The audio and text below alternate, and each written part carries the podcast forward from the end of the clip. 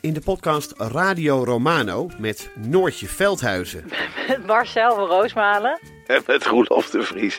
brengen we alle drie elke week een zogenaamde signalering mee. Wat heb jij nou weer bij je? En aan het eind bepalen we wie de winnaar van de week is. Echt een angstcultuur Lege huls die je er bent? Ja, dat gaat eigenlijk altijd onvriendelijk. Luister nu naar Radio Romano bij Podimo. Via podimo.nl slash Radio Romano luister je 30 dagen gratis. De strijd om de miljoenen van Siewert van Liende is losgebarsten. Zowel de staat als zijn stichting eisen de mondkapjeswinst terug. Maar dat die opbrengst in ieder geval niet thuis hoort bij Van Liende, daarover kan toch eigenlijk geen twijfel bestaan. Hoe kon het zo ver komen? Dit is het. We hebben beet. En als Siewert het geld teruggeeft, kunnen wij dit schandaal dan eindelijk loslaten? Je hoort het in de Mondkapjesmiljonairs, exclusief bij Podimo. Ga naar podimo.nl slash mondkapjes.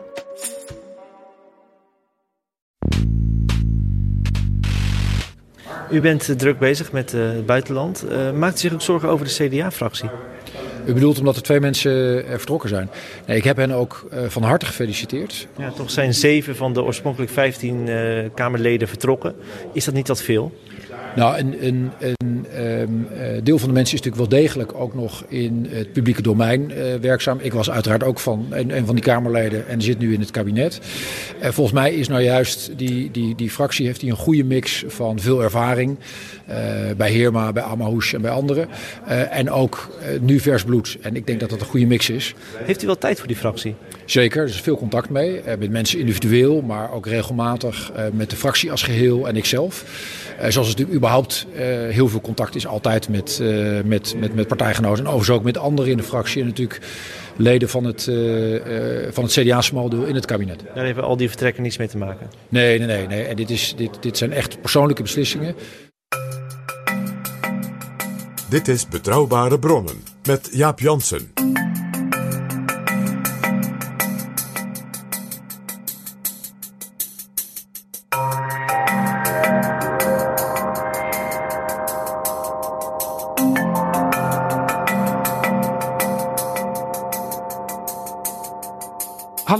Welkom in Betrouwbare Bronnen, aflevering 343. En welkom ook PG. Dag Jaap. PG, we hoorden zojuist Wopke Hoekstra, de leider van het CDA, naar aanleiding van het vertrek van twee Tweede Kamerleden van het CDA. Ja, en het vervelende natuurlijk, dat kon je ook horen aan zijn ja, wat moeizame reactie, was dat er natuurlijk ook hiervoor alweer een aantal mensen eerder weg waren gegaan. Om, zoals eh, oud-bewindsman Raymond Knops, Friese Kamerlid Harry van der Molen. Dus er ontstond een soort sfeertje nu van een soort uittocht en le- leegloop van het CDA. Van de 15 verkozen Tweede Kamerleden zijn er inmiddels negen vertrokken. Inclusief Pieter Omtzigt, die voor zichzelf is begonnen. En inclusief uiteraard een aantal mensen die bewindspersoon zijn geworden in het kabinet. Dat laatste is dus als een partij regelmatig meedoet in coalities, dus niet zo heel bijzonder. En is dus in het verleden zelfs nog veel heftiger voorgekomen. Maar ja, Jaap, je ziet hier ook een interessante observatie van Bert van der Braak. Die zei: Eigenlijk is wat je nu ziet helemaal niet zo uitzonderlijk. Hij zegt eigenlijk vanaf de jaren 80 is dit ongeveer per kabinetsperiode het aantal mensen dat wel de Kamer verlaat. Iemand wordt burgemeester, iemand hè, en een hele, hele stel wordt bewindspersoon. Dat is dus helemaal niks zo bijzonder. Nee, maar het punt is natuurlijk, we hebben nu kleine fracties en dan valt het des te meer op.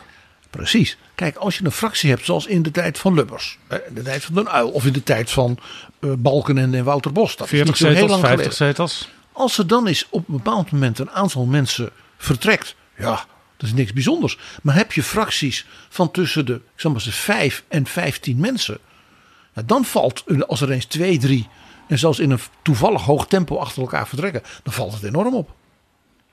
Dus de versplintering draagt ook weer een soort versplintering in zich. Ja. Volgens Hugo de Jonge, een van de lijsttrekkers bij de verkiezingen, en volgens Marnix van Rij, oud partijvoorzitter en nu staatssecretaris, is het allemaal eh, niet zo ernstig eh, wat hier zichtbaar was. Want het ging nu over twee mensen die al ruim tien jaar in de Kamer zaten. Nou, afgelopen weken zijn er mensen vertrokken die eh, ruim tien jaar in de Kamer hebben gezeten. Ruim tien jaar dit mooie werk hebben gedaan. Eh, en, en, daarna iets nieuws gaan doen. Uh, waardoor er weer andere nieuwe talentvolle mensen voor in de plaats komen. Het is niet dat het zinkende schip verlaten nee, wordt? Wel nee. Wel nee. Uh, binnen het CDA loopt de hele fractie leeg. Wat vindt u ervan? Ja, nou, dat is, zo zie ik het zelf niet. als Kamerleden, hè, zoals Agnes Mulder of Jacco Geurts, na tien jaar hard gewerkt hebben als Kamerlid, ook om zich, om zich heen kijken. Uh, en als ze dan een mooie aanbieding kijken, ja, dan is er helemaal niks mis mee. Sterker nog, er staan hele goede nieuwe Kamerleden klaar. Dus het gaat altijd om continuïteit en vernieuwing. Dat is ook in het bedrijfsleven zo. Ik heb veel teams mogen aansturen. Uh, en dat is altijd de beste combinatie. Maar vindt u niet dat het de indruk wekt dat er een probleem is bij het CDA? Nee, want zoals gezegd, dat zijn individuele keuzes die mensen maken. Je ziet dat Van Rij natuurlijk als oud-partijvoorzitter en interim-partijvoorzitter, hij is alle twee geweest, natuurlijk vooral ook de, zeg maar, de finesses van de statuten kent. Namelijk dat hij erop wijst dat de mensen die nu al vrij lang in die Kamer zitten, in feite tegen het eind van hun door de partij geaccepteerde termijn komen. Ja. want na drie periodes is het toch wel de bedoeling dat je weg, weggaat. Behalve Pieter Omtzigt, zeg ik er dan bij. En uh, ja, als je dan dus halverwege die derde termijn bent, dan zie je dus in de huidige situatie dat mensen een beetje om zich heen gaan kijken. En dan accepteer je zelfs een plaatsvervangend burgemeesterschap, een tijdelijk burgemeesterschap. Weer vertrekt er een CDA uit de Tweede Kamer. Jaco Geurts wordt waarnemend burgemeester van de gemeente Maasdriel. Jaap, er zijn gemeenten die komen langs ja, dat iemand zijn hart opbloeit. Zullen we dat maar denken? Nou, maar het mooie is, van waarnemend burgemeester kan je definitief burgemeester ergens worden. Mm. Ja, maar dan ja? moet je wel eens solliciteren. Ja, ja maar ja, dat, dat is toch iets anders dan dat je uh, echt een andere baan hebt voor vast. Ja, maar kijk, in de, uh, niets is onzekerder dan het politieke métier. Wij feliciteren Maasdriel, een prachtige gemeente in de Bommelerwaard. Maar niettemin, PG, een heel mooi beeld is het toch niet voor het CDA. Al die vertrekkers op een rij. Zullen we het hebben over hoe het CDA er nu voor staat? Want jij bent tenslotte historicus van die partij. Je hebt meerdere boeken geschreven over de geschiedenis van de Christendemocraten in Nederland. Ja, de titel die je dan nu zou bedenken voor deze podcast is Quo Vadis CDA. Waarheen CDA? Maar eerst PG. Zijn er nog nieuwe vrienden van de show? Nou Jaap, die zijn er. Uh, ik ga weer even diep ademhalen. Want het is echt magnifiek. Zoveel als het er zijn. En daarom bijzonder woord van dank aan jou, Johan, aan Marline, aan Jan Doris, aan Dries, aan Ilse, aan Wouter, aan Bastiaan, aan Jochem en ook aan jou, Tineke. En er is ook nog een losse donateur, dat is Robert. Marlien die schrijft ik ben eindelijk vriend geworden van de show Dat werd tijd. Ik luister naar alle afleveringen, dus ook naar afleveringen die me in eerste instantie nou niet zo interessant lijken. En ja, die blijken dan toch ook heel boeiend en leerzaam te zijn. En daarnaast, ik heb vele, vele jaren doorgebracht in politiek bestuurlijk Den Haag. Jullie podcast is een baken van helderheid, rust en betrouwbare informatie. Ga zo nog vele, vele jaren door, schrijft zij. Hartstikke mooi. En, aanmoediging, Jaap, voor jou en voor mij om gewoon ook thema's te brengen waarvan zij aan het begin zegt: in eerste instantie niet zo interessant. Gewoon durven. We zijn blij met elke nieuwe vriend van de show. En om die blijheid nog extra te onderstrepen, geven we af en toe iets weg. Deze keer was het het boek van Jan Hoedeman, waarvan uitgeverij Atlas Contact vijf exemplaren beschikbaar heeft gesteld. Wat wij zeer op prijs stellen, dank Atlas Contact. En de vijf prijswinnaars zijn. Om te beginnen diezelfde Marlien die ik net al aanhaalde. Marlien uit Den Haag. Richard uit Mortsel in België. Johan uit Arnhem. Erik in Utrecht. En Dolf uit Tienhoven aan de Lek. Allemaal hartelijk gefeliciteerd met het boek van Jan Hoedeman, De Achilleshiel van de Koning. Hartelijk gefeliciteerd! Wil jij ook vriend van de show worden? Ga dan naar vriendvandeshow.nl slash bb. Dit is Betrouwbare Bronnen. PG, er is geen leegloop bij het CDA, zegt de leiding van het CDA. U bedoelt omdat er twee mensen er vertrokken zijn? Ja, wat zouden ze wel moeten zeggen, Jaap? Zo werkt dat natuurlijk ook in de, de mediacratie. Je gaat niet zeggen, ja, er is bij ons een leegloop en we hopen dat er nog een heleboel anderen ophoepelen. Nou ja, Zo kunt- doe je dat niet. Je kunt ook zeggen, onze lijst ging uit van meer dan toen 15 zetels. We hebben op die lijst continuïteit en vernieuwing geplaatst. Maar omdat we slechts 15 zetels kregen in eerste instantie, daarna vertrok Omtzigt ook nog, is die vernieuwing niet helemaal goed uit de verf gekomen. Eh, en dus hebben we nu een gesprek intern gevoerd. Of misschien een aantal mensen eh, ja, zich geroepen voelen om toch naar iets anders om te zien. Zodat we wat meer nieuwe mensen de komende twee jaar nog een kans kunnen geven. Ja, dat zou heel goed kunnen. Dat men natuurlijk met collega's praat, zeker die in die derde termijn zitten van, nou ja, je kunt dan nog misschien twee, drie jaar door. Maar ja, als er iets langskomt of als je zegt, ik zie een hele leuke functie, dat men dan mensen aanmoedigt van, eh, nou, probeer maar. Aan de andere kant, ja, laten we eerlijk zijn, eh, het vertrek van bijvoorbeeld Mona Keizer was niet om die reden. Het vertrek van Harry van der Molen was ook niet om die reden. Dat was gewoon omdat hij zei, ik trek het eh, zeg maar, fysiek en psychisch niet meer. Raymond Knops was misschien ook wel omdat hij ja, geen bewindspersoon was geworden en een beetje, een beetje droog stond. En ook geen fractievoorzitter was geworden wat hij ambieerde. Nou ja, precies. Dus in dat opzicht was de opmerking die eh, Manees van Rij maakte, denk ik correct. Dat hij zei: het zijn altijd individuele afwegingen. Maar nogmaals, het zijn keuzes die mensen zelf eh, maken. En ik vind dat nogmaals heel gezond vanuit die mensen geredeneerd. Het is dus niet zo dat er een soort gestuurde campagne is vanuit de top van wie kunnen we nog meer lozen.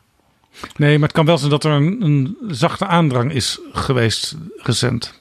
Dat zou mij volstrekt niet verbazen, Jaap. Uit wat ik heb gehoord. Maar dit zijn natuurlijk bij alle individuele afwegingen, zoals Marnix van Rij dat noemt, natuurlijk toch signalen. En die signalen van dat er een soort wervelstorm op het CDA afkwam, die zijn er niet van de laatste twee, drie weken. Die Nee. zijn er ook niet van de statenverkiezingen. Maar dat is natuurlijk in feite al jaren geleden begonnen. Ja, eh, er is natuurlijk dat rampzalige kabinet geweest, dat gedoogkabinet met de PVV.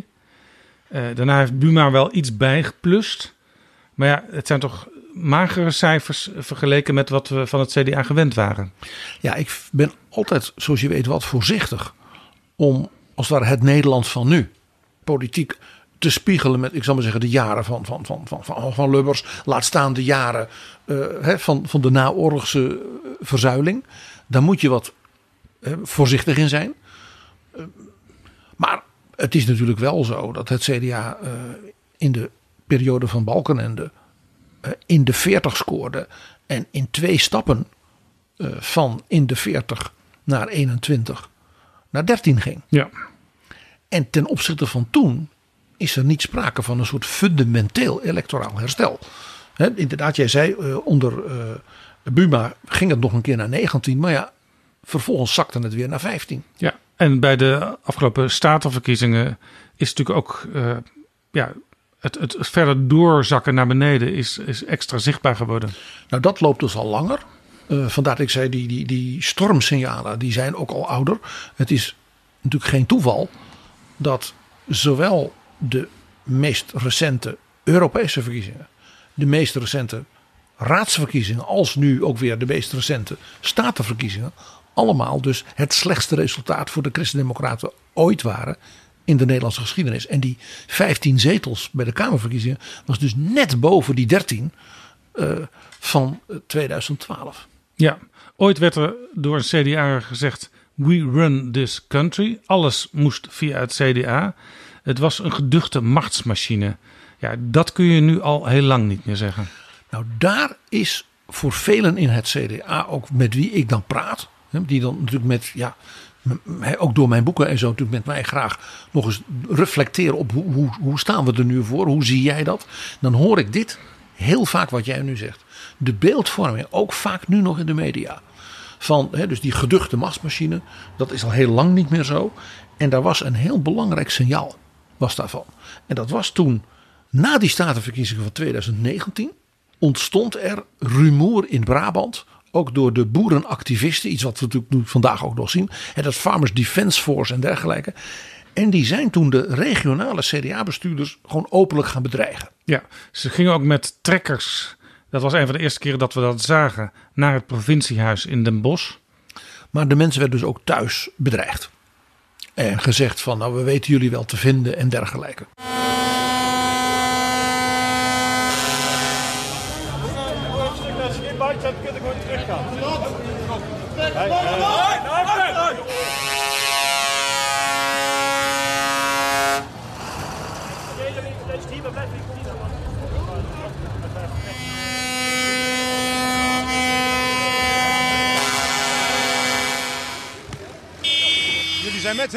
Hè? Daarom, daar komen we ook voor.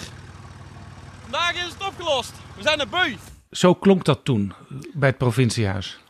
En wat er toen binnen het CDA gebeurde was opmerkelijk.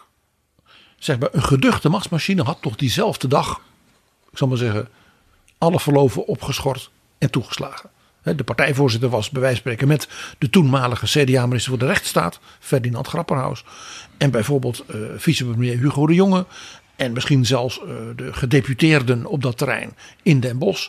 Bij die CDA's die bedreigd werden, gewoon s'avonds thuisgekomen en gezegd van dit gaat niet gebeuren. En men zou natuurlijk ervoor gezorgd hebben dat uit die statenfracties van, ik zal maar zeggen, CDA Drenthe, CDA Limburg, CDA Noord-Holland, men een soort solidariteitsappel met de bedreigde collega's in Brabant ja, had laten horen. Een machtsmachine werkt natuurlijk tweezijdig. Hè?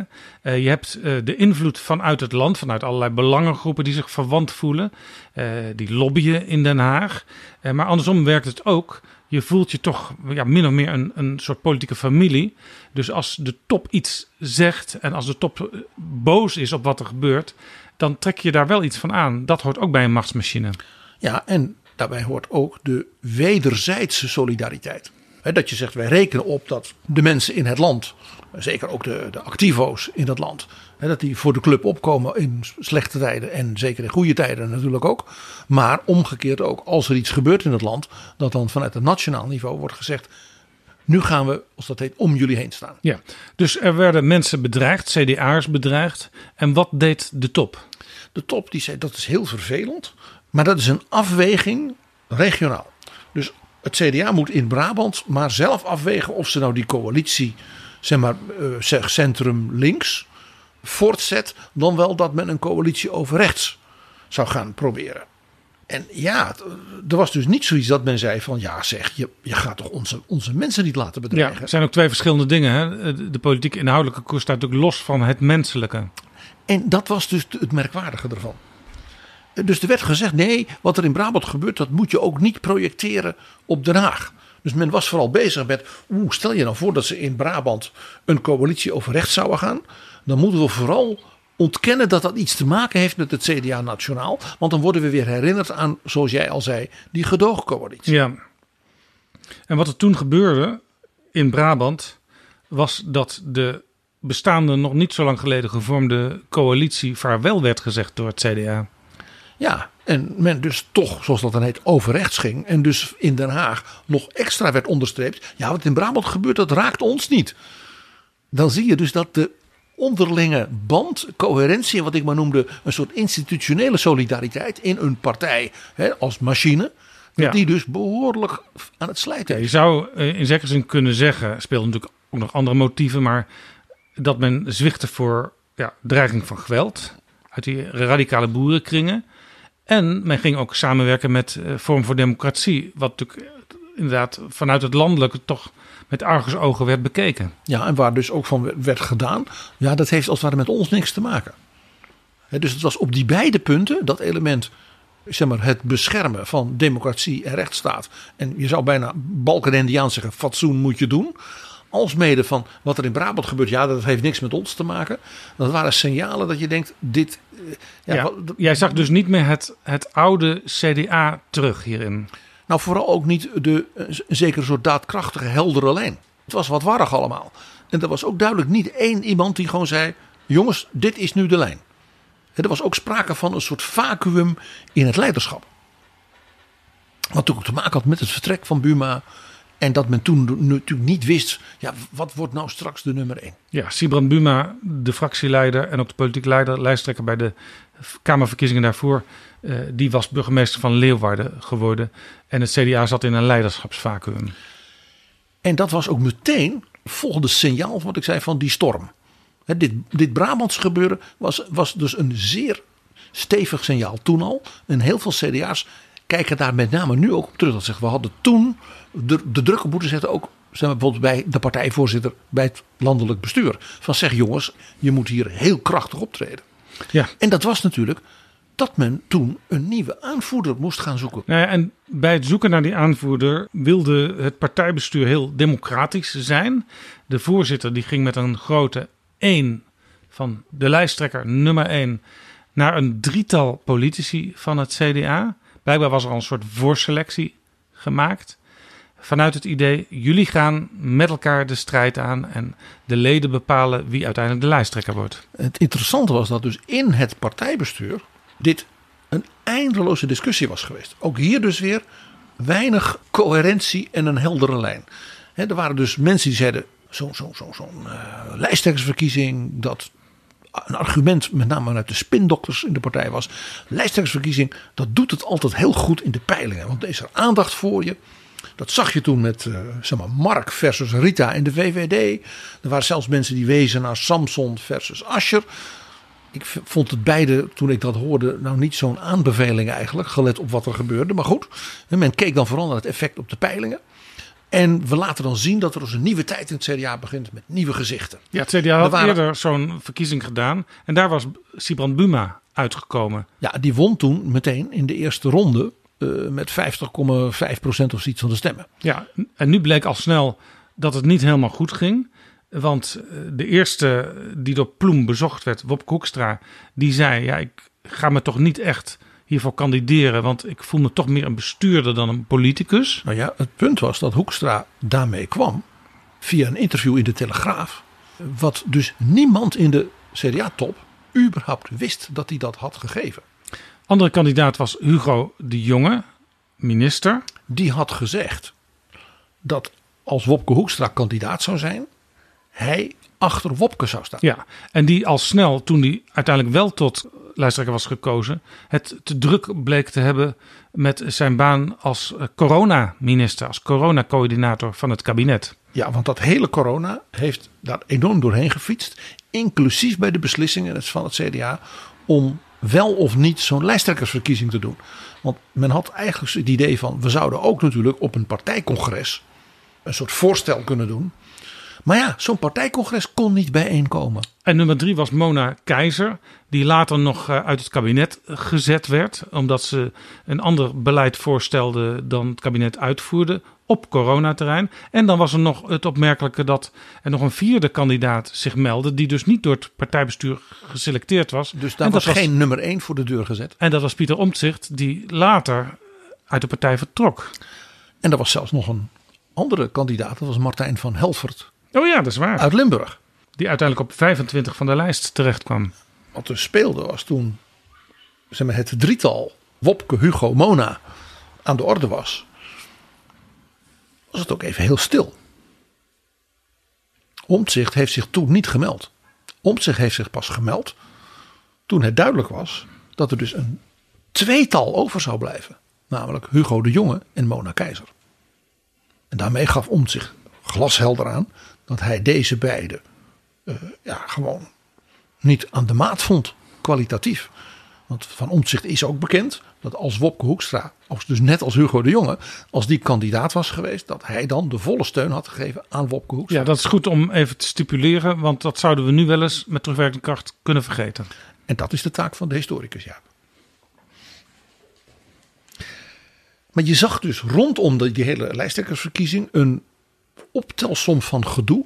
Inclusief dat de uitslag kwetsbaar bleek, zodat ja. dit over moest. En je zag dus rondom dat hele gebeuren, eigenlijk wat we dus hiervoor al zagen, rondom dat Brabantse gebeuren, een, een beetje warrig en zelfs bij die stemming ook technologisch amateuristisch gedoe. De stemming heeft zelfs overgemoeten omdat er blijkbaar uh, ja, bugs hadden gezeten in het programma. Of iets ja. is nooit helemaal ja. helder geworden. Ja. Dus toen moest het over. Nou, toen bleven er uh, dus twee kandidaten over. Want Hugo de Jonge haalde, anders dan Buma, niet 50,5%, maar 49, nog wat. Het scheelde nou ja, enkele stemmen. Dus toen kwam er een tweede ronde van Hugo de Jonge en Pieter Omtzigt. En daar had men dus ook al niet op gerekend. Nee, en toen zei Hugo de Jonge, toen hij net iets meer stemmen kreeg, dat ze het samen zouden gaan doen, die campagne. En daar hebben we nooit iets van gezien. Nee, de gedachte dat er een running mate was, uh, Pieter Omtzigt met Hugo de Jonge, dat, dat is nooit echt van de grond gekomen. En Hugo de Jonge had, en daar moet je ja, alleen maar begrip voor hebben, ook, het liep hem gewoon over ja. door al het gedoe. Ja. En vandaar is ja, die corona toestand heeft dus op allerlei manieren, als we dit hele gedoe, beheerst. Uiteindelijk is dus er een aan. commissie onder leiding van Lisbeth Spies gekomen die de hele boel geëvalueerd heeft. Ja, uh, en er viel een hoop te evalueren, want de campagne had heel veel, ja, ik zal maar zeggen, ongelukken, uh, heel veel amateurisme ook. Men had ook hele ongelukkige posters en ongelukkige filmpjes. Het en... thema was Wopke Hoekstra nu doorpakken. Nu doorpakken, want dit is het moment. Nederland verder brengen en verbeteren. Beter maken dan we waren. Nu doorpakken. Maar dat was het thema, dat was pas gelanceerd werd toen Wopke Hoekstra alsnog ja, lijsttrekker werd. In het heetst van de campagne was het nu doorpakken op de affiches. Ja, maar bijvoorbeeld er was in uh, november nog een affiche geweest waarin men Trump en Joe Biden uh, presenteerde als soort uh, pleitbezorgers voor het CDA. Want je kon aan Amerika zien hoe fijn het was dat, je dat er ook nog een middenpartij was. Ja, een rustige dat, middenpartij tussen die, die harde Biden en die harde Trump. Ja, waarbij dus Joe Biden, wat natuurlijk in feite een hele klassieke, ik zou maar zeggen, KVP-achtige katholieke vakbondsman uh, is.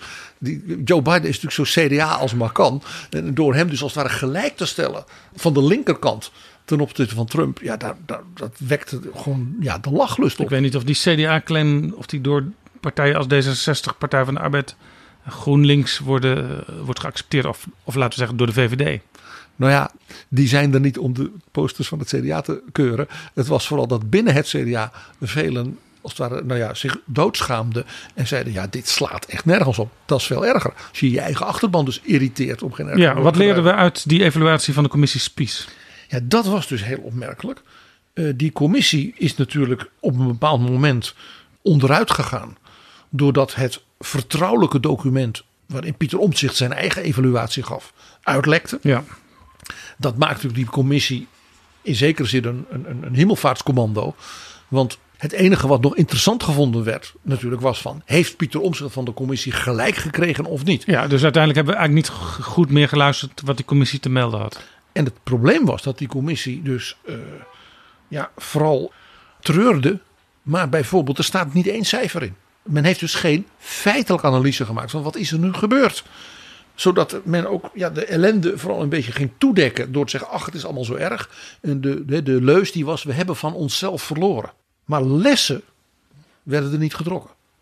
En wat ook opvallend was, de, het partijbestuur had een soort afleidingsmanoeuvre daarbij gemaakt. Door een commissie onder leiding van de oud-bewindspersoon Yvonne van Rooij aan het werk te zetten. Die tegelijkertijd met Spies moest rapporteren over welke zeg maar, organisatorische verbeteringen uit die verkiezingscampagne in de organisatie van de partij zou ja, kunnen. Afleidingsmanoeuvre, omdat ze het in de partij dan daarover gaan hebben, dan hoef je het niet meer over die inhoud te hebben. Uh, precies. Dus er moest onmiddellijk, uh, ja, dus de voorstellen van de commissie van Roy, die waren dus heel belangrijk. En die waren concreet. Zodat wegviel dat dus in feite die commissie Spies eigenlijk met niks concreets kwam. En dat is natuurlijk weer zo'n punt, waar ik al zei, ja, geduchte machtsmachine. Ja, dan duik je dus niet voor stevige, zo nodig diepe analyses, harde lessen en consequenties. Na zo'n klap een beetje het ja, onder de tapijt vegen. Dat is eigenlijk heel gevaarlijk om te doen. En dat zien we dus nu. Ja, PG, jij noemt niet voor niets de cijfers, want daar hebben we het al vaak over gehad in betrouwbare bronnen. Uh, en dan wijs jij er ook altijd op dat er in steden meer mensen wonen dan in plattelandsdorpjes. En dat een paar zetels in de gemeenteraad in Den Haag of in Amsterdam, dat dat al heel veel kiezers achter zich heeft. En dat Tubbergen, ja, dan kun je dan wel de grootste zijn. Maar, Niets tegen Tubbergen, hè? Uh, in cijfers betekent dat uiteindelijk niet zoveel. Nou was natuurlijk het probleem, en daar heb je al vaker met enige treurnis over gesproken, dat het CDA uh, de meeste steden was kwijtgeraakt. Bij de afgelopen staatsverkiezingen hebben we gezien dat het CDA ook het platteland is kwijtgeraakt. Dat is een electorale trend. Waar dus de partij dus al veel eerder vanuit dus het analyseren van bijvoorbeeld de verkiezingsuitslagen zich in had moeten verdiepen. Want je zag dus nu dat men deed alsof men overrompeld werd door die ontwikkeling. Terwijl dat natuurlijk helemaal niet zo vreemd was. Wat ook interessant was, uh, heel even over die uitslag bij de Staten, was dat wie langer keek naar de uitslagen, moest eigenlijk vaststellen dat de uitslag van de statenverkiezingen in lijn was met de uitslagen van daarvoor. Het was dus helemaal niet zo dat het CDA een enorme nederlaag leed ten opzichte bijvoorbeeld van de eerdere uitslagen. De grote klappen waren al eerder gevallen. Ja, het zijn dus elke keer stappen omlaag, zou je kunnen zeggen. Ja, de ene keer een grotere stap, de andere keer een wat kleinere stap. Maar altijd omlaag. En daarbij dus voortdurend, doordat men dus die analyses, ja, en die harde lessen niet trekt, of een beetje daarvoor wegduikt, wat wordt dus de indruk gewekt alsof de klap die nu dan valt, een ongekende was, nog nooit eerder gezien. Terwijl je dan denkt, nou ja, dat is in feite dezelfde klap als zeg twee jaar geleden bij die andere verkiezingen. Ja, nou schrijft het CDA natuurlijk ook heel veel rapporten. Uh, daar staat die partij ook een beetje onbekend. Dat was in de Balkenende tijd al zo. Want Balkenende had al bij het wetenschappelijk instituut rapporten geschreven die hij later, zou je kunnen zeggen, als partijleider en premier zelf kon gaan uitvoeren. Nou was kort voor de verkiezingen nog een rapport verschenen juist over de kloof tussen platteland en een meer stedelijke omgeving. En dat is ook iets waar bijvoorbeeld de boer-burgerbeweging, die de grootste partij is geworden bij de statenverkiezingen, ook een groot punt van maakte. Dus je kunt niet zeggen dat het inhoudelijk het CDA niet de vinger aan de pols had. Want blijkbaar eh, voelden mensen dat appel wel, al heeft dat niet tot een keuze voor het CDA geleid.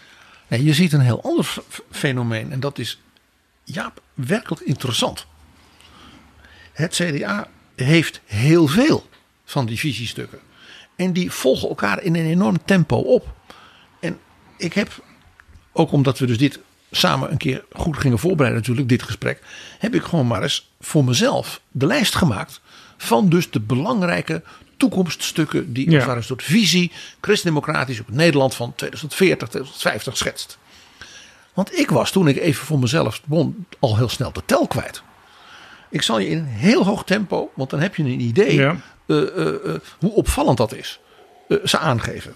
Voor de verkiezingen van 2021 had men gezegd: we gaan een, dus een toekomstanalyse maken die als het ware ver voorbij 2021 kijkt, hè, dus richting 2035, 2040. Dat was een beetje ook de erfenis van partijvoorzitter Rut Peto aan het eind van haar twee ja, En het is ook een beetje de maatschappelijke trend. Hè? Het klimaatbeleid wordt ook op die manier aangepakt. Het stikstofbeleid overigens ook. Het CDA liep daarin een beetje vooruit zelfs ten opzichte ook van andere partijen.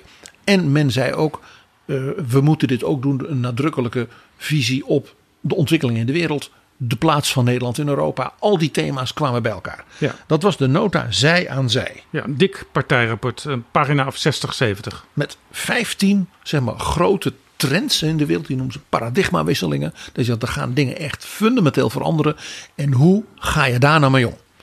Dus dat was eigenlijk heel interessant. Dan had je dus 15 grote thema's waar je op kon doorwerken. Ja, in en verkiezingsprogramma. Daar kun je dus ook mee helpen het verkiezingsprogramma te schrijven uiteindelijk. Wat vaak wat compacter en bondiger en wat concreter voor de korte termijn is. Wat ook heel leuk was, dat wil ik echt even noemen, is dat de jongeren van het CDA, het CDJA, die hebben gezegd dat stuk is mooi van de partij. Wij hebben als jongeren ook nog een paar eigen accenten die we oh ja, als jongeren extra interessant vinden. Dus die hebben dat stuk gepakt en er een eigen aangescherpte versie van gemaakt. Dat zat erg goed in elkaar. En dat was ook aanmoedigend voor dat verkiezingsprogramma. Ja, dit was dus zeg maar de basis dat zij aan zij voor de, het verdere nadenken richting de verkiezingen. En toen gebeurde al iets op het partijcongres. Waarin dat zij aan zij als het werd gepresenteerd. En men dus in allerlei zaaltjes zeg maar, verdiepende discussies kon voeren met bijvoorbeeld auteurs van dat rapport. Want toen was er een enorme opstand vanuit zeg maar, het rurale deel, het agrarische deel van het CDA. Vanwege één zinnetje in de paragraaf over de toekomst van het platteland. Daar wil ik toch een kleine opmerking over maken, Jaap. Ja, wat was die zin? Die zin was dat het niet op zichzelf nodig was dat Nederland de tweede exporteur van massale landbouwgoederen was. En dat je als we misschien een wending moet gaan maken de komende jaren, waar we dus nu ook de discussie over hebben, naar meer kwalitatieve aanpak en dus minder vervuiling en minder nou ja, de narigheid waar we nu in zitten. Ja, daar was heel gedoe over in het CDA. Ik heb dat toen in betrouwbare bronnen voorgelegd aan de minister van Landbouw, toen, Carola Schouten van de ChristenUnie. En zij was het eens met die formulering. Zij zei ook, ja, eh, het is niet het allerhoogste doel om Nederland zo hoog in de wereldlijst te krijgen. Het gaat, niet om kwantiteit. Het gaat ook om de kwaliteit van wat je produceert, wat je de wereld te bieden hebt. En het interessante was dat de auteur in belangrijke mate van dat stuk van Zij aan Zij was het Kamerlid Jacco Geurts. Aha, de bekende landbouwwoordvoerder die nu dus vertrekt om waarnemend burgemeester in Maasdriel te worden. En op dat congres was hij vervolgens onmiddellijk een van de aanvoerders van de felste kritiek vanuit het boerenland. hij heeft dus allerlei boeren het podium mee opgenomen om te roepen dat het CDA natuurlijk de boeren nooit zou laten vallen. En uh, dat uh, die tekst die moest maar worden aangepast.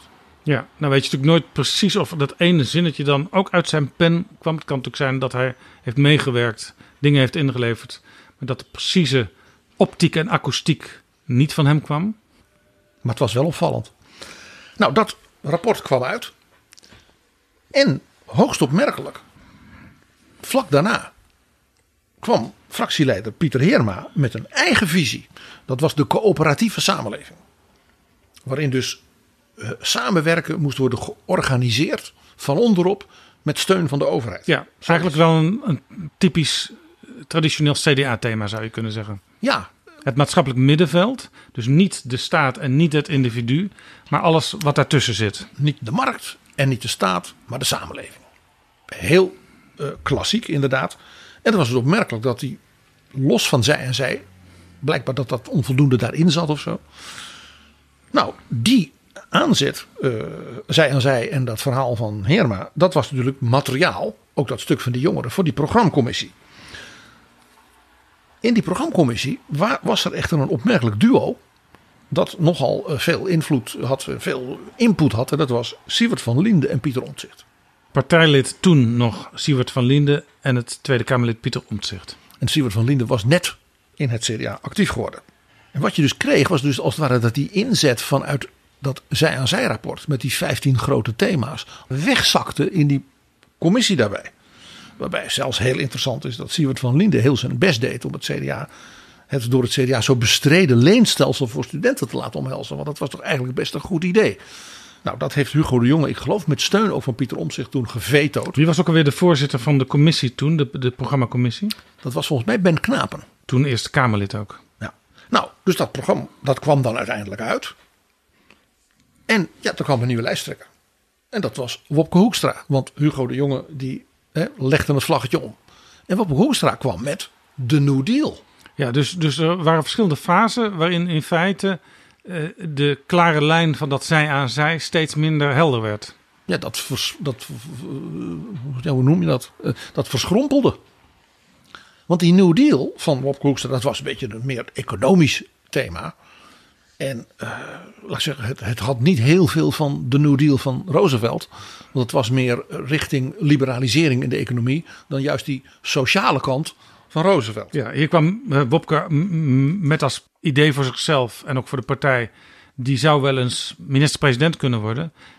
Hier kwam Bob staat toch heel erg op het terrein van de zittende minister-president, Mark Rutte van de VVD, die ook altijd met economie scoorde in verkiezingscampagnes.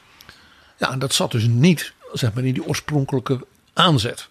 Dus dat, ja, dat was lastig uit te leggen. Dat bleek ook ja. in de debatten. was ook best wel ingewikkeld eh, toen al die affiches kwamen en al die filmpjes met nu doorpakken.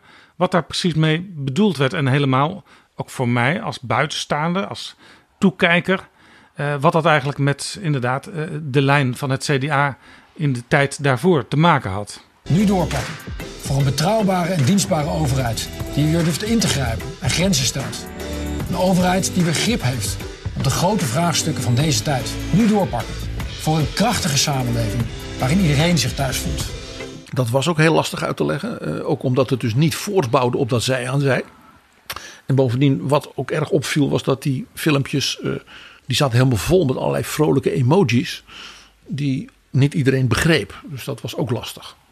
Nou, uh, de verkiezingsuitslag was natuurlijk niet best. He, dus er kon niet erg worden doorgepakt, zullen we maar zeggen.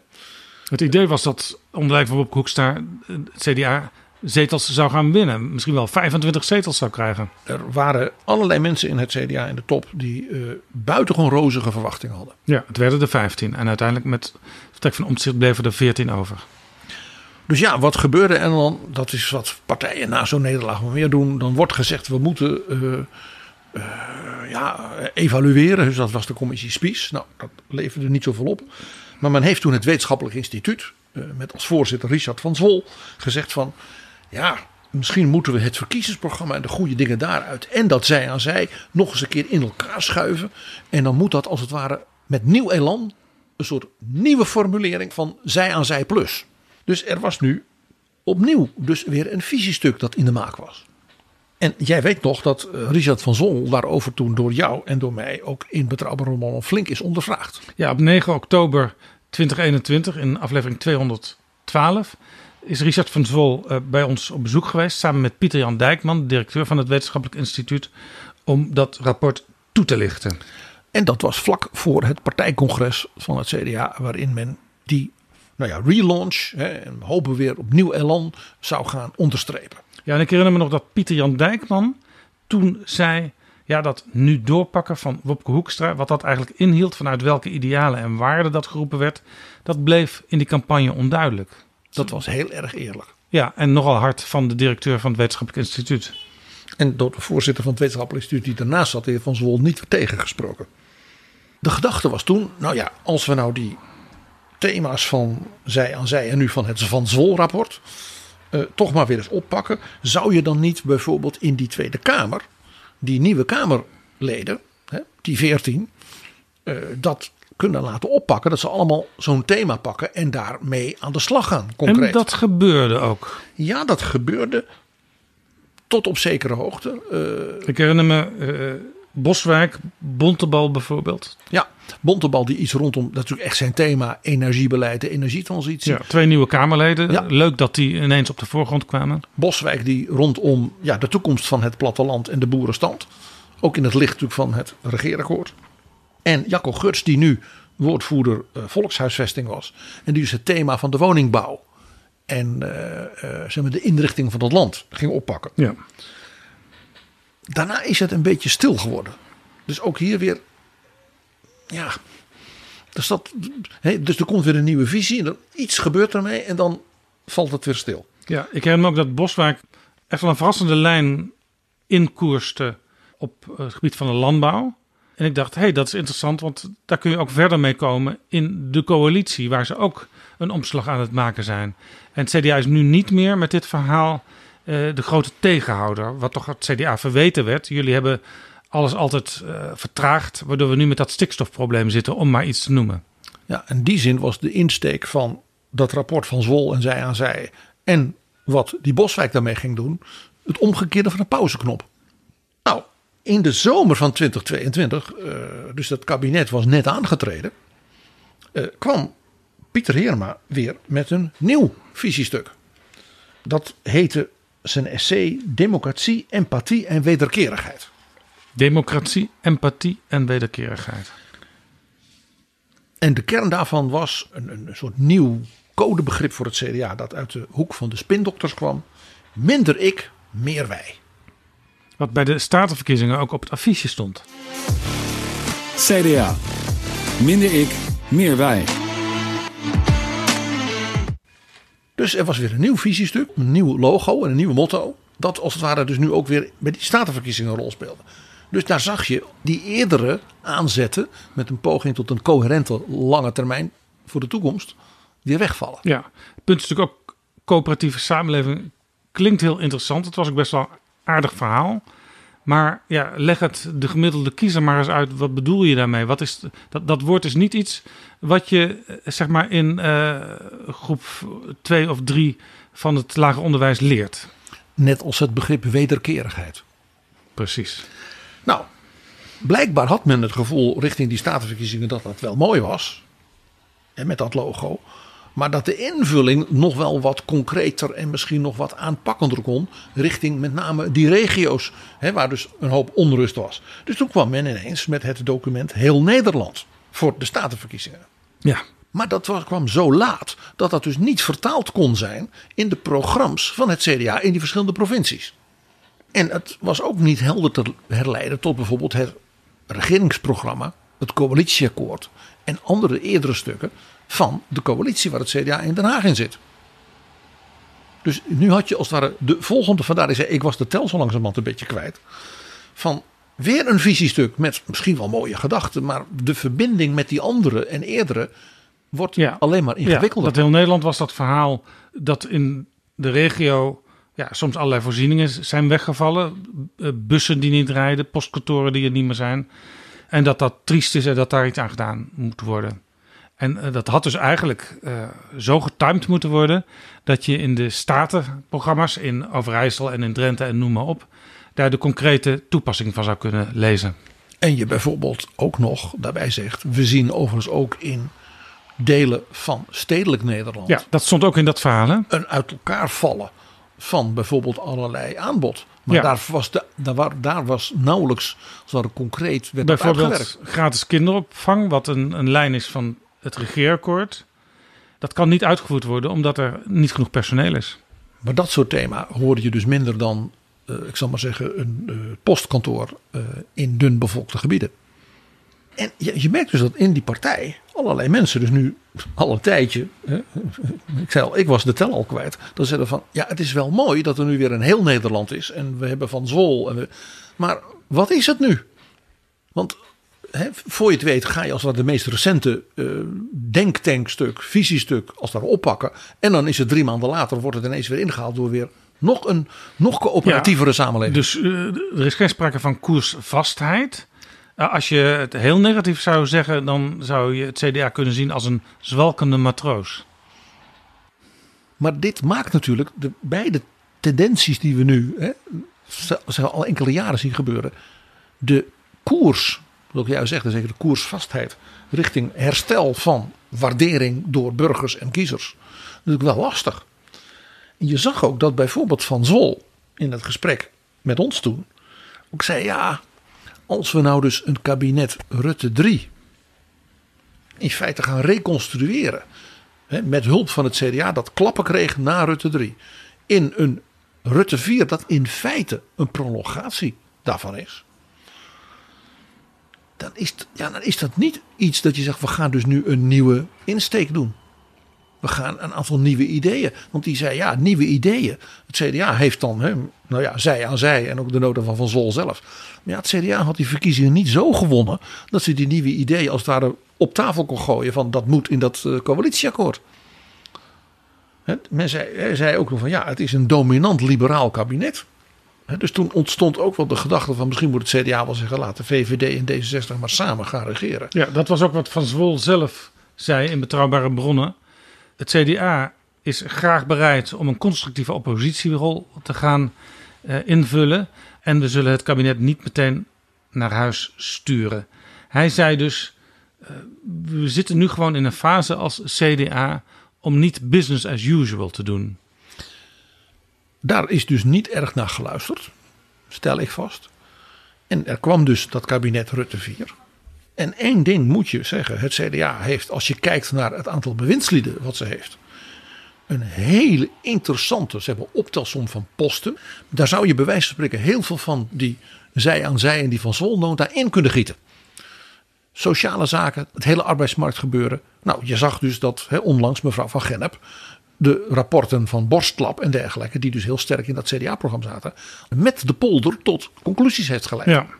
Nou, de, de volkshuisvesting, wat natuurlijk een eh, eh, CDA-thema ook van Pieter Heerma en zo. Daar is Hugo de Jonge nu flink mee bezig als minister. Nou, eh, dan natuurlijk de rechtsstaat, de democratie, hè, wat bij eh Hanke Bruin Slot sterk zit. Europa, de plaats van Nederland in de wereld, zit bij de vicepremier Hoekstra. Ja.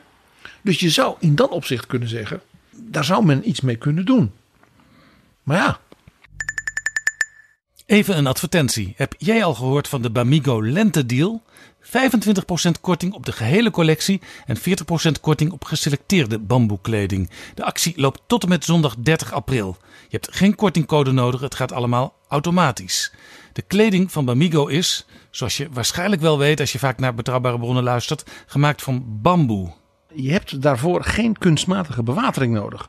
Terwijl bijvoorbeeld voor katoen je 10.000 liter water per kilo nodig hebt, wat vervuilend is. 10.000 Ja. liter water per kilo. Het is dus echt heel duurzaam geproduceerd. ja, en het heeft geen pesticiden of insecticiden nodig. Dus alleen al om die reden, PG, zou je overgaan tot het aanschaffen van een boxershort, een polo, een joggingbroek, Overhemden zelfs. sokken. Overhemden hebben ze ook. Ja, zeker. zeker. Nou, lijkt me iets voor onze luisteraars van Betrouwbare Ja. Jaap. Ga hiervoor naar bamigo.com. De Bamigo Lentedeal. 25% korting op de hele collectie. En nog op speciaal geselecteerde kleding 40% korting. Tot en met zondag 30 april loopt deze actie. Ga hiervoor naar bamigo.com. Dit is Betrouwbare Bronnen, een podcast met betrouwbare bronnen.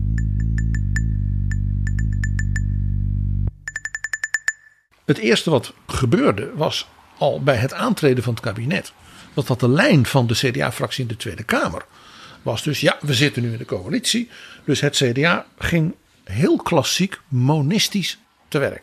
He, men ging dus het kabinet verdedigen. Ja, eigenlijk als de oude machtspartij die ze ooit was. In plaats van een beetje he, de lijn van Van Zwol. Oké, als we dan meedoen, dan gaan we dus wel benadrukken. Dit zijn de drie, vier christendemocratische thema's waar wij die bewindslieden op gaan aanspreken. U gaat hier echt iets aan doen. En als dat niet gebeurt, dan gaat u last van ons krijgen. Ja, en op terreinen waar het CDA dan geen bewindslieden heeft, die ministers, die staatssecretarissen aanspreken op een beleid wat nog beter zou kunnen als je de lijn van het CDA zou volgen. Met daarbij dat coalitieakkoord in de hand. Uiteraard. Dus een beetje scherp aan de wind, zoals dat heet. Je zag dus ook dat mensen als Bontebal en Boswijk, dus door die stukken waar ze mee kwamen, probeerden op die manier wel iets daarvan te laten horen. Maar je kon ook zien, eh, zie hoe men eh, mevrouw van der Wal benaderde, dat dat toch niet, als het ware, het dominante uh, idee was waar het CDA mee kwam. Met het verhaal van Dirk Boswijk zou je een constructievere houding naar de minister van Stikstof, Christiane van der Wal, kunnen innemen. Ja, je zou haar kunnen, kunnen aanporren door te zeggen: word nou eens concreet. He, er is nu nog steeds geen invulling van bijvoorbeeld dat fonds van 25 miljard. En, en nu zegt iedereen: ja, er kan dus niks gebeuren, want er kan niks gebeuren. Dat had men dus natuurlijk in een veel eerder stadium nadrukkelijker op die manier kunnen brengen. Het was ook zo dat ruim voor de statenverkiezingen al Wopke Hoekstra het tafelkleed naar zich toe trok op dit terrein door een interview te geven aan het Algemeen Dagblad. Waarin hij zei: Ja, dat jaartal 2030, waarin we de helft van de stikstofuitstoot moeten hebben weggehaald, daar houden wij niet zo van van het CDA. Dat moet misschien maar weg uit de discussie. En dat maakt het ook lastig. Want in dat stuk van Boswijk stond nou juist 2030. En inmiddels weten we natuurlijk dat Wopke Hoekstra tegen het kabinet heeft gezegd in de ministerraad. Wij gaan dit opnieuw aan de orde stellen binnenkort als we weten wat de provincies willen met de nieuwe coalities en als er een landbouwakkoord is. Dus daar zie je ook weer een soort vertraging binnen de vertraging. Terwijl men met de eigen stukken in de hand eerder de versneller had kunnen zijn. En die VVD-minister en ook die landbouwminister van de ChristenUnie voor zich uit had kunnen jagen. Dus zeggen: kom op, aan de slag. Het omgekeerde is dus gebeurd. Wopke Hoekstra heeft het als het ware naar zichzelf toegetrokken. En er dus een CDA-punt van gemaakt. Ja, dus eigenlijk de zwakke plek van het kabinet. Namelijk voorgenomen beleid wat steeds maar niet concreet wordt vormgegeven. Eh, dat zwakke punt wat bij anderen lag. Namelijk bij de VVD-minister en de ChristenUnie-minister. Die ook nog opstapte omdat hij er niet, tegen, het niet voor elkaar kreeg. En toen nog moest worden vervangen. En waar ook flink wordt geroepen, doet dat vanuit de Tweede Kamer door D66 als coalitiepartij. Daar zegt het CDA, Bob Hoekstra ineens van... ik zie hier een probleem en ik ga daar een nog groter probleem van maken. Beetje onaardig gezegd, ja. Het CDA heeft dus in feite tegen VVD en ChristenUnie gezegd... geef ons die narigheid maar. en doordat het CDA dit zijn eigen probleem heeft gemaakt... heeft D66 als het ware daar een pluspuntje bij. Dat is eigenlijk best handig voor Jan Paternotte en Tjeerd de Groot. Dank je wel, Wopke, zeggen die stiekem tegen elkaar bij een borrel. Nou, ik zei al dat je dus bij die langere trend die al wat langer liep, kon zien dat, dat het met die statenverkiezingen uh, dus geen fantastische uitslag zou worden. En dus de beeldvorming ook toen weer van wat een enorme nederlaag. En in dat, ja, dat was ook weer omdat men heel korte termijn kijkt. Feitelijk, ze hebben heel veel mensen in het CDA die als ze maar in die regio's wonen en naar die cijfers kijken, gezegd van ja, het is niet best hoor. Het is niet best. Maar in een aantal opzichten valt het nog warempel wel mee. Je ziet ook dat het CDA in de peilingen al een hele lange tijd ongeveer op hetzelfde niveau. Ja, het is maar zeven zetels. Ja. Maar het is als het ware niet. Daar zeg je ook wat. Heel veel lager kun je eigenlijk niet. Je kunt altijd nog verder zakken. En uit het CDA historisch perspectief is het eigenlijk al electoraal een onzichtbare partij geworden. Het is natuurlijk dramatisch. En het drama wordt nog groter, want in niet alle provincies praat het CDA mee. Ik wijs met name op de provincie Overijssel, waar het CDA altijd nog met trots kon zeggen: daar zijn we een grote partij, een dominante partij.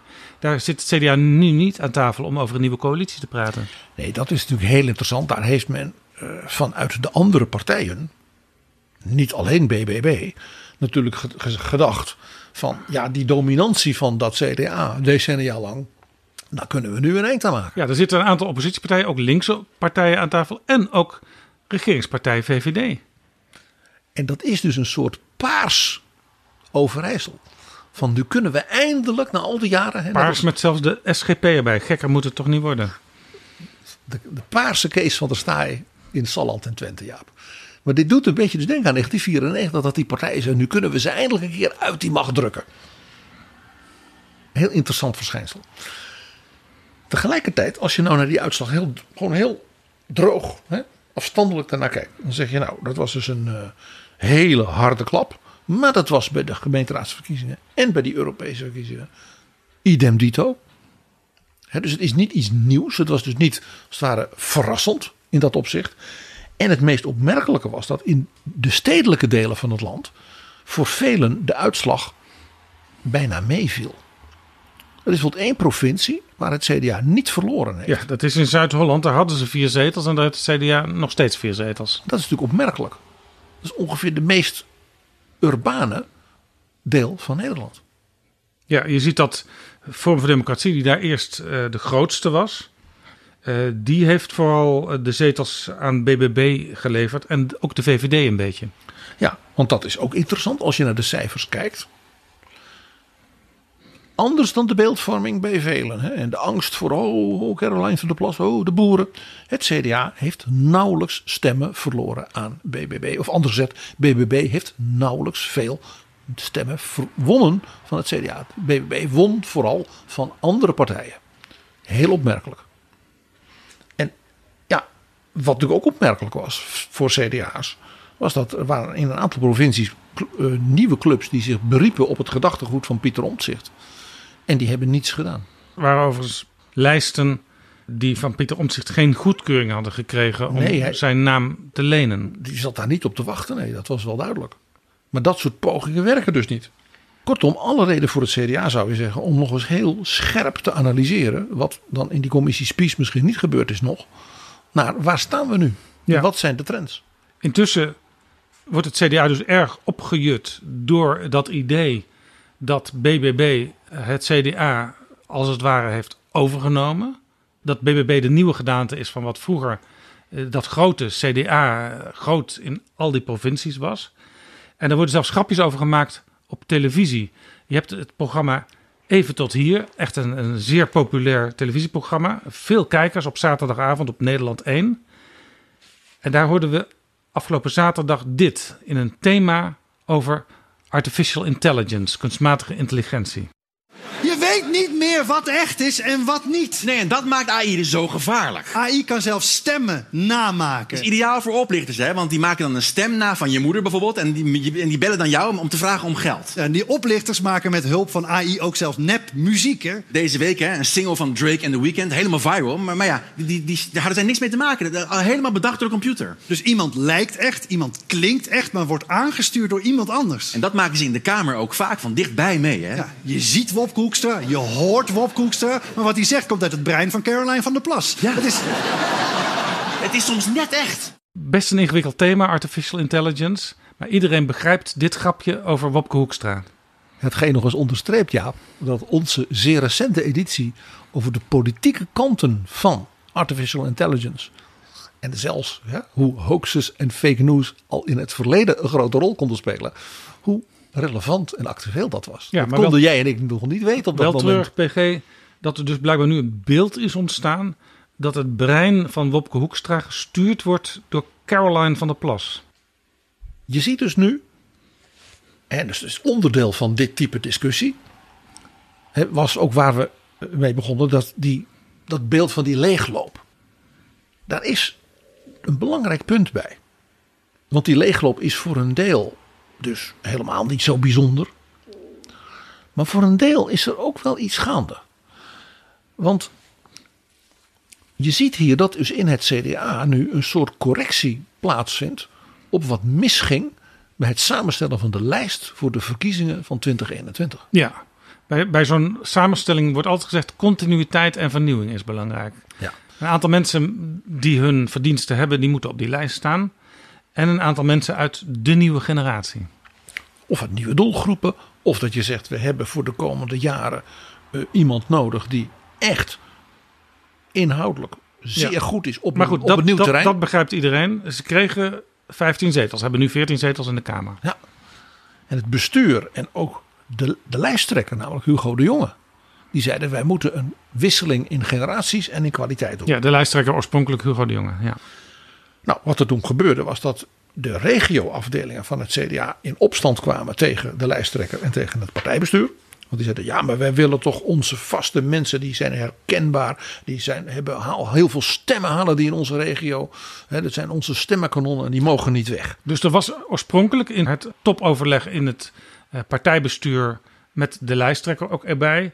Er was een veel radicalere vernieuwing bedacht dan uiteindelijk op die lijst zichtbaar werd. Men wilde een hele serie jonge talenten, uh, vrouwen naar voren brengen. Ja, dus niet alleen Dirk Boswijk, Henry Bontebal, maar ook iemand als Harmen Krul, die ja. nu onlangs in de Kamer is gekomen. Bijvoorbeeld.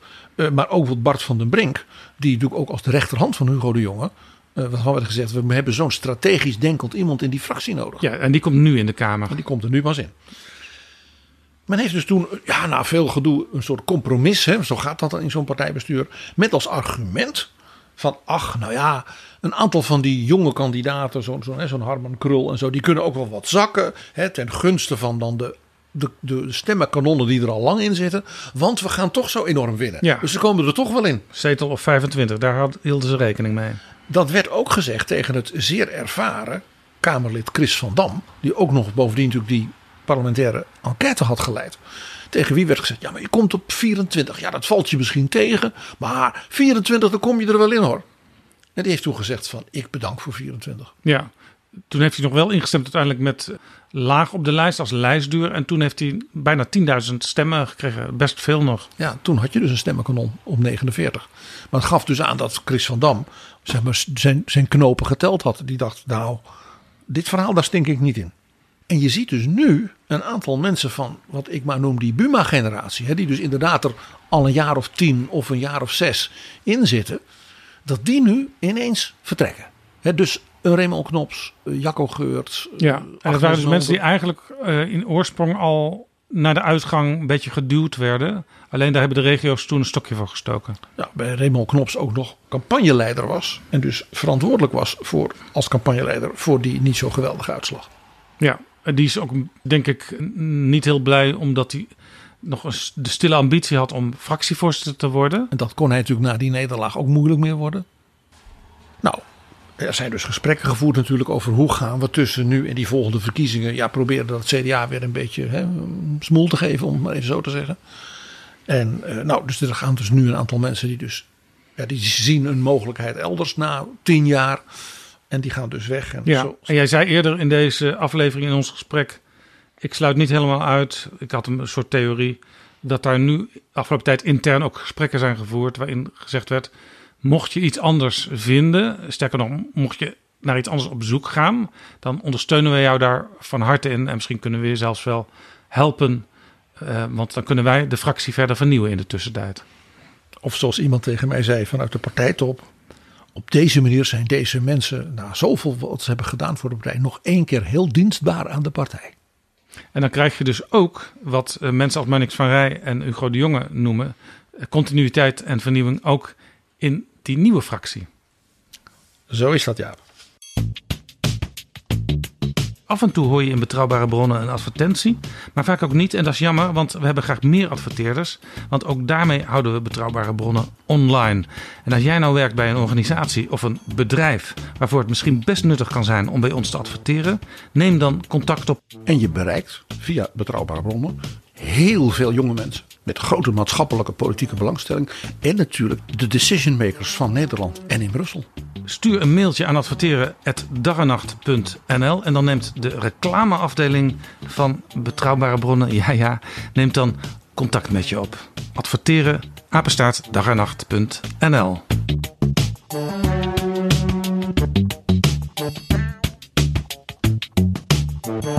PG, het thema van deze aflevering is Quo Vadis CDA. Quo Vadis, dat heb ik ook wel eens op een, op een grote truck zien staan op de autoweg. Altijd de vraag natuurlijk, waar ga je uiteindelijk heen? Uh, maar goed, er is zoveel aan de hand in dat CDA. Mensen vertrekken. Er verschijnen heel veel rapporten, maar een duidelijke lijn uh, valt daar door het CDA zelf niet uit te destilleren, blijkbaar. Heeft die partij nog wel de kritische massa in huis voor een echt nieuw elan? Dat is een hele goede vraag, Jaap. En ja, dat zal, ik denk, het komend half jaar moeten blijken. Ook in de aanloop richting de Europese verkiezingen. En het viel mij wel op dat de jongeren van het CDJA meteen na die statenverkiezingen uh, nogal een duidelijk signaal afgaven. Ja, dat CDA dat gaven ze in NRC Handelsblad. Kevin Klinkspoor, de voorzitter van het CDA, die zegt over Wopke Hoekstra: Ik hoor om me heen, het komt niet over zoals hij het brengt. Hij moet kijken hoe hij van dat consultants-imago afkomt. Dat is in feite wat die cabaretiers in dat tv-programma ten diepste zeiden. En uh, die Kevin die zegt ook over BBB. Ze trekken stemmers van ons, maar ook van VVD en PVV. Ik merk dat ik enthousiast word als ze beginnen over de buslijn, de voorzieningen in de buurt. Maar ik denk ook, verdorie, dat is het CDA-verhaal. En blijkbaar komt dat door de persoon, Caroline van der Plas, komt het door haar wel over. En het interessante was dat dus die jongeren dat signaal afgaven en het daar even bij lieten. Waarom? Ze komen er dus mee weg. Dus dat signaal is dus geland. Nou ja, je kunt ook zeggen dat uh, intern uh, hen te verstaan is gegeven: hou je mond. Die indruk wekken ze niet. Overigens, de kop boven dat artikel geschreven door Lemier Arouai is ook heel uh, tragisch. CDA twijfelt over Hoekstra als partijleider. Quote: Vanaf nu is het CDA niet meer relevant. Een quote. Dat is heel hard als je dat als jongere organisatie meteen na die statenverkiezingen zegt. Maar ja, dan zet je je, je club, ik zou maar zeggen, als jongere afdeling wel voor het blok. U zult dus nu iets moeten doen. Er is nog een interessant signaal. Dat, dat heeft dus te maken met die Europese verkiezingen die eraan komen. Het verhaal gaat dat men in Brussel, bij de, zeg maar, de Europese Volkspartij, dus die grote samenwerking van al die Europese christendemocratische partijen, dat men daar zegt: Nou ja, bij die Europese verkiezingen zal dat BBB in Nederland wel mee gaan doen. En die hebben nog niet echt een partijfamilie. Die willen natuurlijk niet in de partijfamilie met D66. Hè? Dat lijkt ons wat sterk. Ze zullen ook niet met de PVV of Forum op hard rechts met Le Pen en dat soort dingen. Want Caroline van der Plas is veel te natuurlijk handig populistisch om daarmee geassocieerd te willen worden. Het wil niet Caroline Poetin worden. Ja. En dus kan ze misschien wel, net als de ChristenUnie en 50PLUS en het CDA, bij ons erbij. Want, uh, dat is misschien ook nog voor het beeld wel even belangrijk om uh, te schetsen.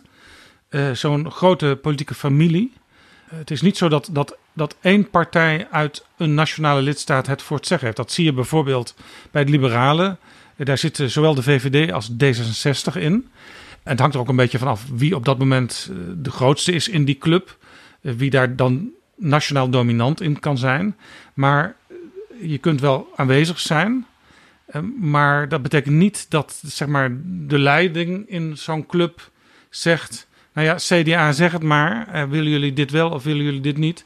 Nee, ze kijken ook naar het grote belang in zo'n Europees parlement. Waar die christendemocratisch slash conservatieve fractie by far de grootste is. En dat willen ze ook graag blijven.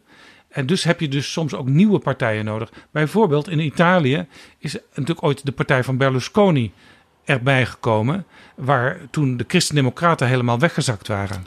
Nou, bijvoorbeeld in uh, landen als Zweden en Finland heb je ook vaak meer dan één partij. Vaak de wat kleinere, de, de, de christendemocraten, dat zijn vaak uh, rurale, uh, Lutherse partijen. En de wat bredere, zoals in Zweden, de moderaten, de gematigden. Wat een soort ja, burgerlijke nette middenpartij is. Die zitten alle twee in die Europese Volkspartij. Ja, en als je heel groot bent als nationale partij en je zit er al in, dan kun je wel zeggen, nou toch liever niet dat die kleinere partij erbij komt. Maar ja, als je zelf een kleinere partij geworden bent, dan heb je die invloed niet meer.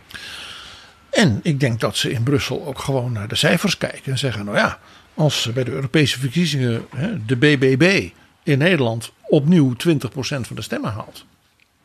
En het CDA heeft ja, weer een slechte uitslag.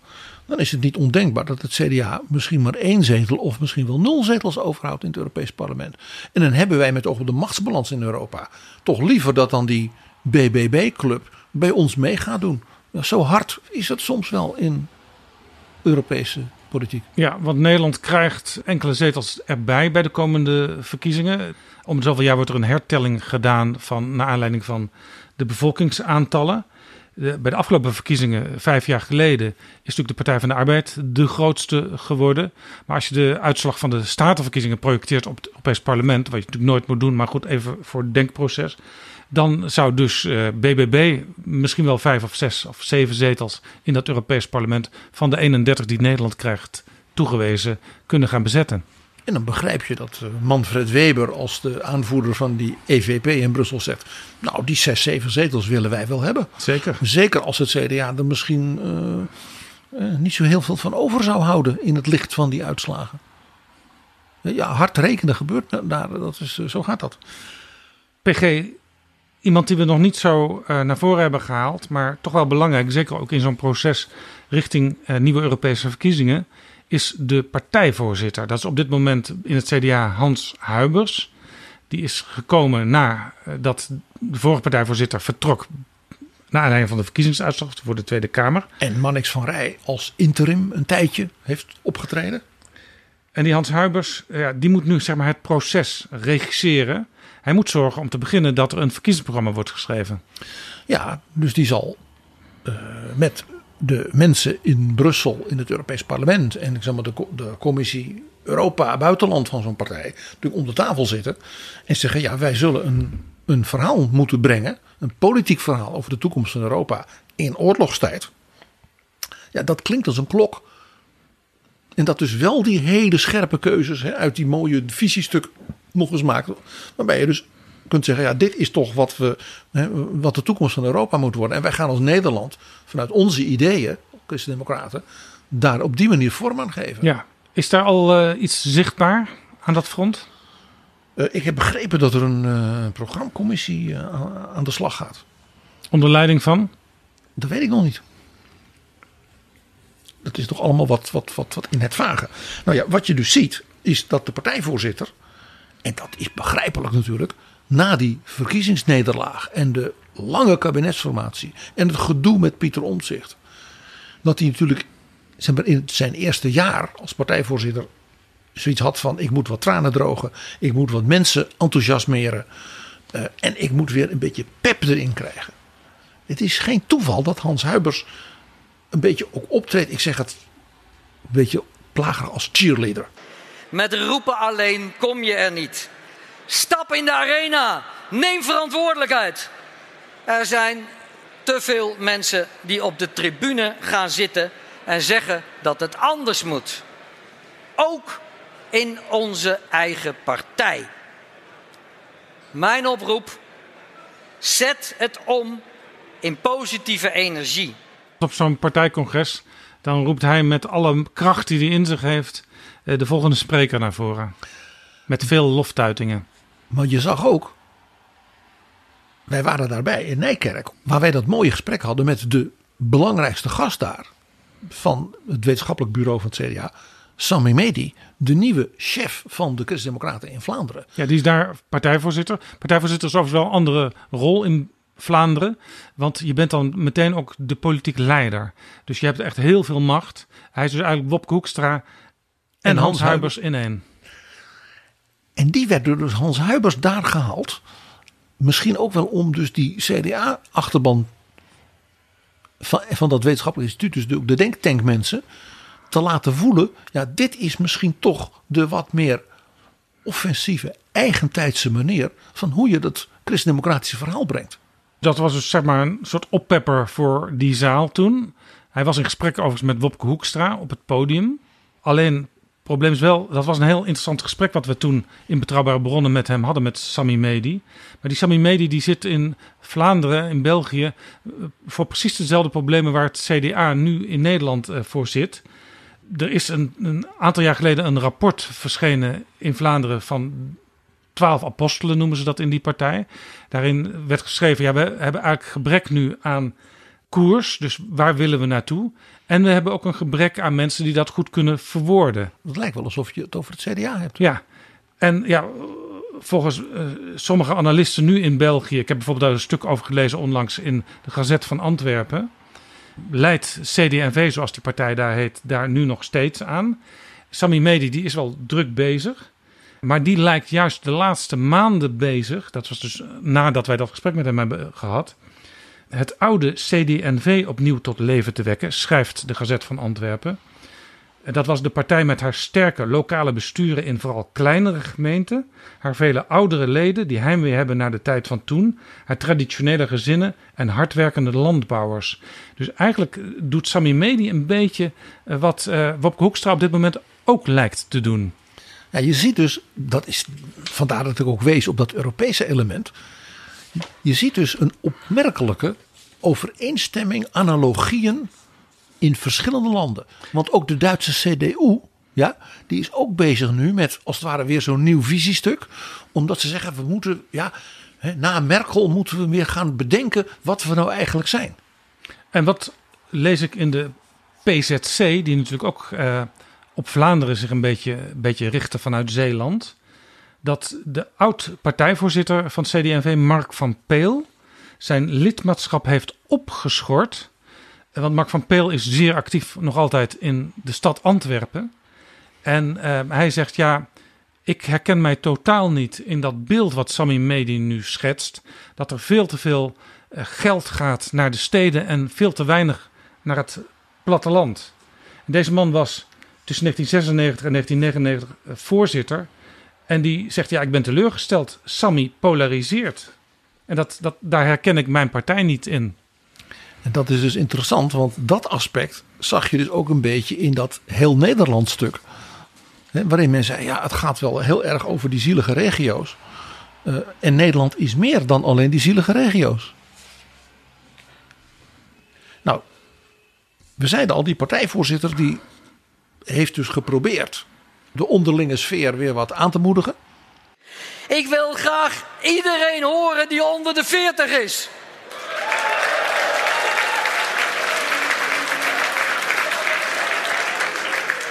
Dat kan nog meer. Ik wil iedereen horen die onder de 40 is. Je ziet dus nu mensen in die fractie vertrekken. En er moet worden gewerkt aan een campagne en een programma voor Europa. Ja.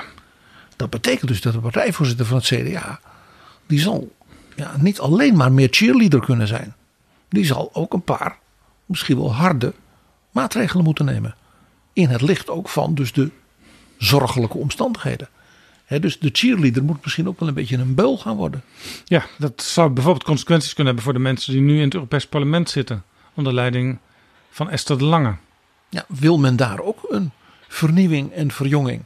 Punt is alleen dat men bij de vorige verkiezingen, nou juist daar, uh, succesvol een vernieuwing en verjongen heeft doorgevoerd. Dus ja, hoe ga je daar dan weer mee om?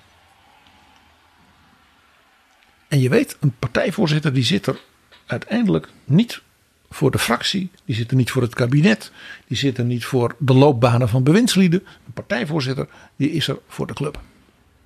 En die zal, als dat moet, ook minder populair moeten zijn en zijn gezag moeten laten ja, voelen. En dat moet, zou je zeggen, Hans Huibers uh, kunnen.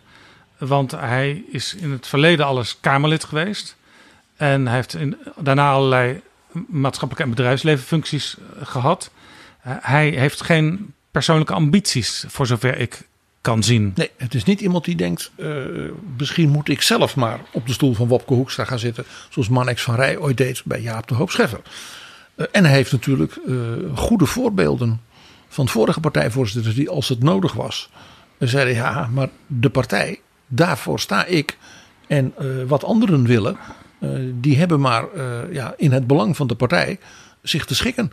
Maria van Bijsterveld was daar goed in. En ook Rut Peetoom, die in dat opzicht met Buma een hele stevige relatie had. Dus PG, we moeten eh, nu heel erg gaan loeren naar dat CDA-hoofdkwartier in Den Haag. Dat partijbureau onder leiding van Hans Huibers, wat daar gaat gebeuren. En je moet natuurlijk gaan kijken naar die fractie. Want die fractie, daar komen dus nu die nieuwe mensen in. Die misschien eigenlijk twee jaar geleden al erin hadden gemoeten. Ja, Bart van der Brink komt erbij. Waarschijnlijk Eline Verder. Ja, uh, Harmen Krul die er onlangs bij is gekomen. Nou, het duo Henry Bontebal en Dirk Boswijk. Henry Bontebal is al de fractiesecretaris. Dus dat is ook, ook interessant. En dan is er Hilde Palland, dan ook een relatief nieuw lid. Dus dat is eigenlijk al een hele club binnen die fractie. Ja, wel onder leiding van Pieter Heerma, die natuurlijk al een tijdje meeloopt daar. Dat kun je zeggen. En die ook tot verbazing van sommigen uh, niet minister van Volkshuisvesting werd, terwijl daar toch inhoudelijk zijn hart ligt. Ja, maar ik denk dus dat die nieuwe, zeg maar, de nieuwe generatie, die fractie, die zal, zal nu natuurlijk ook uh, als club bijna moeten laten zien dat ze dan dat de toekomst van dat CDA ook samen kunnen vormgeven. En die hebben dus ook, doordat ze nu met z'n allen, hè, misschien komt er misschien nog wel meer bij, de kans. Maar dan moet je die wel pakken. Ja, want het lastige is natuurlijk dat de partijleider in het kabinet zit. En ook nog minister van Buitenlandse Zaken is. Wat maakt dat hij niet altijd ter plekke kan zijn. Om het mild uit te drukken. Maar misschien dat dat die, ik zal maar zeggen, die jonkies in die fractie ook de kans geeft om te zeggen: ja, maar wij voelen de urgentie voor hè, de toekomst van dat CDA, die partij van ons. Dus wij gaan maar uh, voldoende feiten creëren. Met thema's, met portefeuilles en met onderwerpen. Kan dat onder leiding van Pieter Heerma, die zoals jij eerder in dit gesprek zei, ja, toch een soort monistische houding heeft vaak richting het kabinet? Dat zal dus ook een zeer interessante discussie intern worden. Hou je dat dus nog vol als je dus die nieuwe mensen daar hebt neergezet en ze nu dan laat binnenkomen vanwege de noodzaak nieuw elan, nieuwe generatie, nieuwe geluiden. Dus de vraag is: uh, uh, hebben zij de ervaring om op een milde maar effectieve manier een beetje een koep te plegen in die fractie? Een koep? Ja, want zo werkt dat. Een staatsgreep binnen het CDA. Ja, zo werkt dat. Ja. Dus de, terwijl de partij heeft eerder gezegd: de leider is Wop Koekstra. Nou, die koos ervoor om in het kabinet te gaan zitten. Dan moet de CDA die weeffout, wat zo zou je het kunnen noemen, eigenlijk goed maken door zelf het tafellaken naar zich toe te trekken. Dus dat je in die fracties zegt, maar wij gaan wel nadrukkelijker hè, met die, die nieuwe mensen ons eigen geluid laten horen. Dat kan nog heel interessant worden. Dankjewel, PG.